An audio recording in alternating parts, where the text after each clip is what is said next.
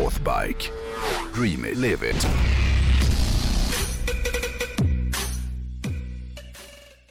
I ett tidigare avsnitt av Bilen med hojen så listade ju du ett gäng motorcyklar som du hävdade var de fulaste i världen. Ja, det är, det är kul att prata om Ja, det är fula jätteroligt. saker.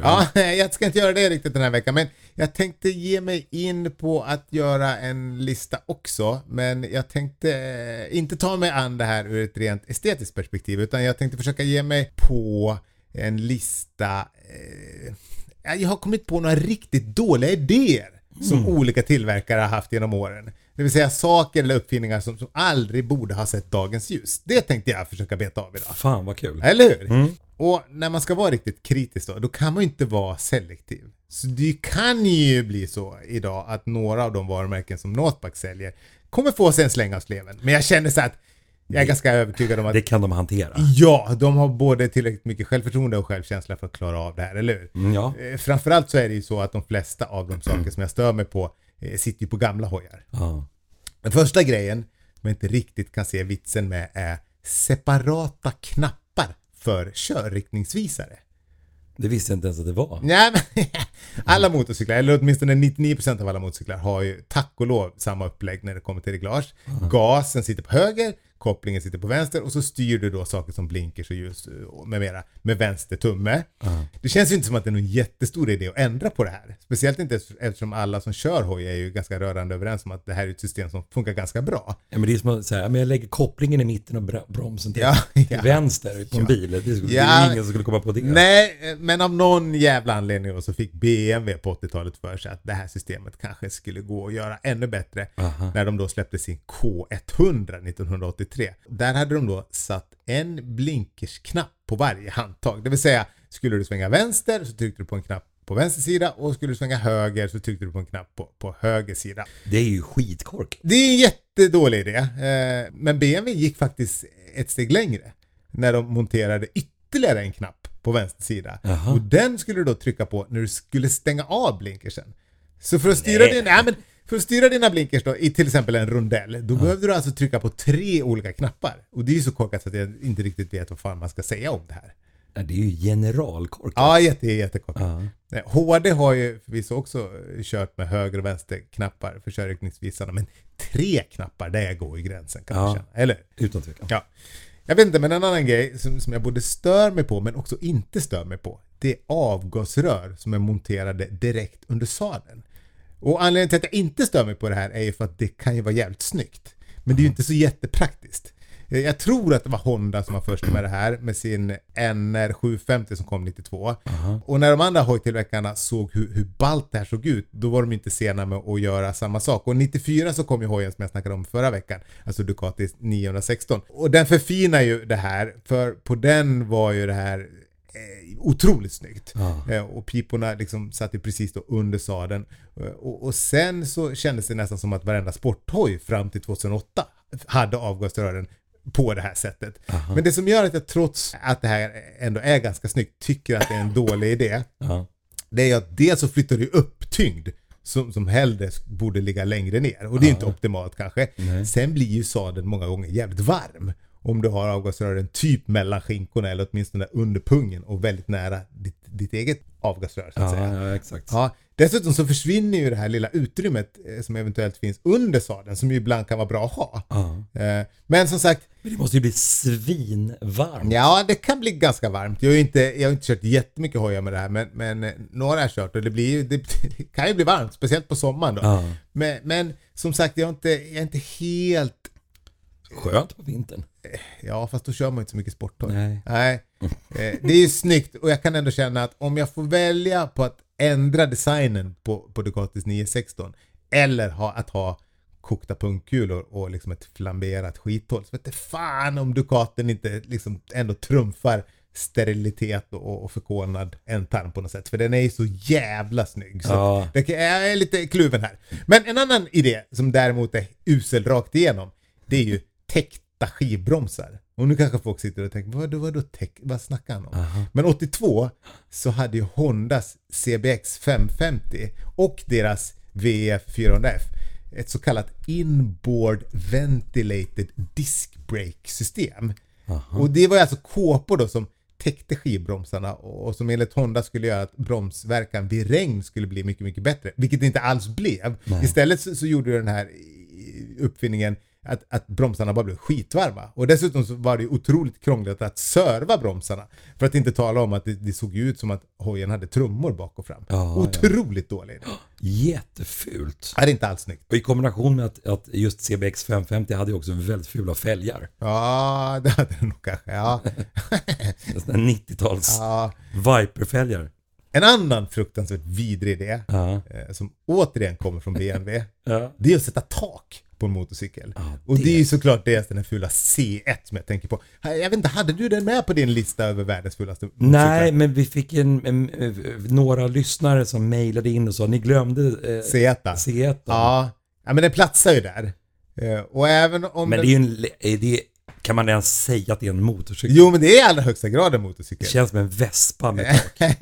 Nej men, alltså även om det här kanske inte egentligen är en så dålig idé, alltså att bygga en hoj som har tak med liksom inbyggd skydd, skyddsbur och säkerhetsbälte så- och skydd mot regnet. Eh, Men utseendet på den här hojen, den gör ju i min värld att den liksom smutsar ju ner hela motorcykelkulturen och gör den lite sämre för att det är så fult det här. Ja. Men BMW är ju inte själva om att, förlöjliga hojkulturen genom att liksom designa den här typen av fånerier. Det finns ju även ett märke som heter Benelli som är ett italienskt icke-märke eh, som har, eller de hade en modell som hette Adiva som också är väl, den var väldigt lik C1.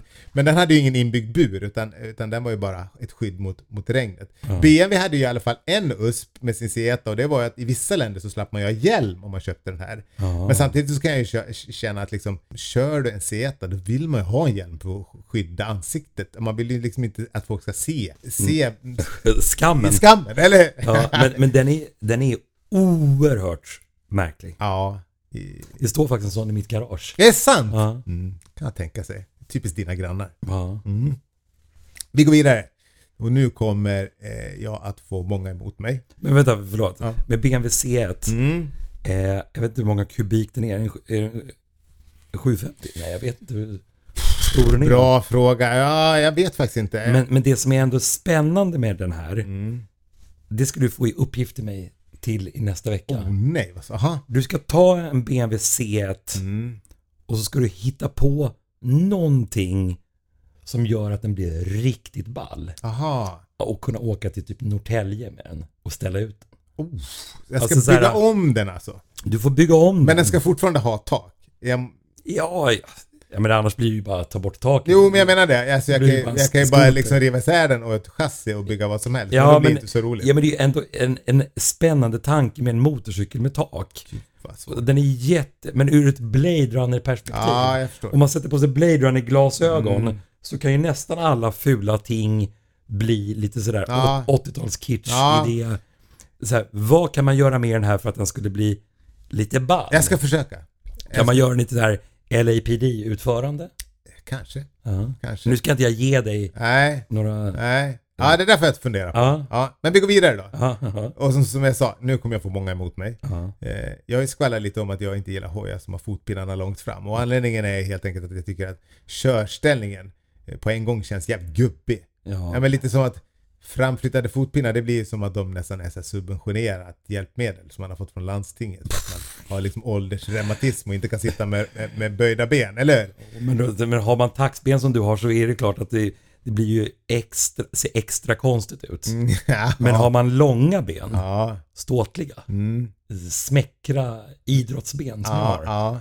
Då, då blir det ju inte lika fult med framflyttade fotpinnar. Nej, men det blir gubb, det är en gubbig körställning, tycker jag. Men det är inte egentligen det jag ska prata om nu. Eller det är inte cruisers som, med framflyttade fotpinnar som jag tycker hackar på. För oavsett om jag tycker att det är töntigt eller inte så jag har ju ändå respekt för folk som gillar det. Det har Mm. jag faktiskt. Jaha. Det är bara jag som inte tycker, tycker det är så ballt. Nej, det jag ska snacka om är något mycket, mycket värre. Och, och där sitter man fult som fan. På samma sätt. Och det är motorcyklar som oftast bygger på samma idé som C1 faktiskt och den här Adivan. Men som är om möjligt ännu fulare. Eh, och det är framförallt två hojar jag tänker på. De första modellerna av den här idiotin dök upp på 70-talet. Eh, och jag snackar om Quasar. Och även en hoj som kom lite senare som hette Voyager. Jag vet inte om du vet hur de ser ut, men, men här har vi en Voyager. Oj, Apropå. Blade Runner. Och här är då en Ka- Kassar. Den har du säkert sett, Kassar. Nej, kassaren här har jag aldrig sett. Nej. Den är fruktansvärd. Ja, Men den första, vad heter den? Voyager. Voyager. Jag älskar den. Ja, Nej, men den är ju Star Wars. ja, ja, det är den. Ja, det är Tänk dig- Eller är den mer Star Trek? Ja, kanske, men tänk dig en stormtrooper som sitter på den. En stormtrooper-hjälm. Ja. Och så lite, lite bättre vit Jo, men det är, ju, det är ju typiskt det också, för du skulle ju kunna komma till Norrtälje med en Voyager iklädd en, en Stormtrooper direkt och bara fan vad fränt. Och sen så skulle du bli liksom skrattad så att du liksom skammen får åka Ja, därifrån. men jag hade inte tagit av mig hjälmen. Nej, hade... Barnen hade älskat barnen hade älskat det. Ja. Tanken med den här typen av motorcyklar är hur som helst då att man ska ha samma förarställning som i en bil eh, och sen så att man har något litet bagageutrymme då. Eh, Så det ska ju vara någon sorts bil på två hjul är väl tanken. Eh, Det här är en så oerhört dålig idé och väldigt typiskt engelsk idé. Jag är ju öppen anglofil och älskar det mesta som britterna spottar ur sig. Men det finns ju också en baksida med det landet och det är ju att de ofta kommer på den här typen av korkade idéer och jag vet faktiskt inte varför. Nej. Eh, Den här typen av hojar brukar ju liksom... Britterna är skitduktiga på det. Ja, på engelska tror jag att den här typen av hojar brukar kallas för feet forward motorcycles på något sätt. Då. Aha. Jag är osäker på om vi har något namn för dem i Sverige. Jag hatar de här motorcyklarna och när det kommer till den här typen av hojar så finns det en hoj som jag hatar mer än alla andra hojar och det är en båge som en amerikansk racingförare som heter Dan Gurney har byggt. Eh, och han har hållit på att utveckla den här jävla hojen i 40 år och den heter Alligator. Håll i det nu för det här är rekordfult på alla sätt som finns. Åh jävlar. Ja, du ser föreställningen. Man sitter Men, liksom, det är eh, en sporthoj fast du sitter som i en bil på något sätt då.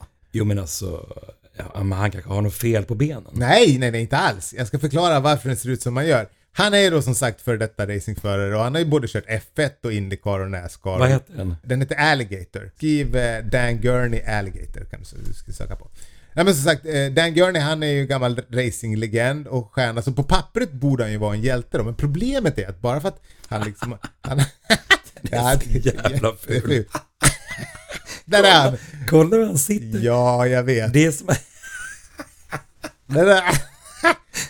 Ja, jag vet. Han har ju liksom då kört racebilar hela sitt liv och då har ju han liksom i och med det fått för sig att liksom en sporthoj den borde vara den borde vara byggd då som en racerbil. Det, utan det, det, han vill liksom få, det han vill göra det är att sänka tyngdpunkten. Att han tycker att den ska vara så låg som möjligt, precis som en bil. Och därför har han försökt utveckla en hoj då utifrån den här principen. Men jävlar vad svårt det måste vara att köra den. Ja. Det var ju tanken i facet. Ja, och beviset på att det här ju är en korkad idé är ju också som jag sa, han har inte liksom lyckats bevisa fördelen med den här uppfinningen och han har hållit på att skruva på det här freaket i, sen, sen 1980. Ja men det är helt otroligt. Den är otroligt underbar. Ja, Alltså den är så fruktansvärt vidrig i sina proportioner. ja den är hemsk. Min sista grej då Ja. på listan över korkade motorcykeluppfinningar är en sak som påminner lite grann faktiskt om Dan Gurneys Alligator i det att den försöker lösa ett problem som egentligen inte riktigt finns. Och det är hojar med svingarm både bak och fram och som därmed också får en så kallad midjestyrning. Yamaha eh, är väl eh, det enda märket som har massproducerat eh, en hoj med midjestyrning och det var ju deras den här GTS 1000 som blev Ja det blev ju en jävla flopp. Men hojen som man kanske mest kommer att tänka på när man liksom eh, pratar midjestyrning det är ju den här Timota Tessi. För även om det är en hoj som rent ingenjörsmässigt är väldigt smart och avancerad så, så jag har ju svårt för uppfinningar som, som löser problem som inte riktigt är problem. Och midje eller navstyrningen är ju en sån grej. Den här typen av märklig styrning är precis lika ologisk som vissa av Tom Cruise personlighetsdrag och det är därför som det är inte så konstigt att han äger den här Virus 985 C3V4 som jag berättade om häromveckan. eh, Som också är byggd på samma märkliga princip då. Eh, och även om, om den har en prestanda som, som väger upp för, för, för den här korkade styrningen så, så får jag liksom, jag får noll ha-begär av den här typen av trans. Ja. Men om någon istället är ute efter en vanlig motorcykel som är byggd efter alla konstens fungerande regler, då tycker jag att man ska gå in på, på Northbike och surfa runt på deras hemsida. Eller om möjligt ännu hellre kanske ta sig till någon av deras butiker. För nu börjar nämligen 2022 modeller poppa upp i butiken. Ah. Så jag tänker så här att Se till att bokmärk deras hemsida till att börja med och följ dem i alla sociala medier om ni är intresserade av, av hojnyheter.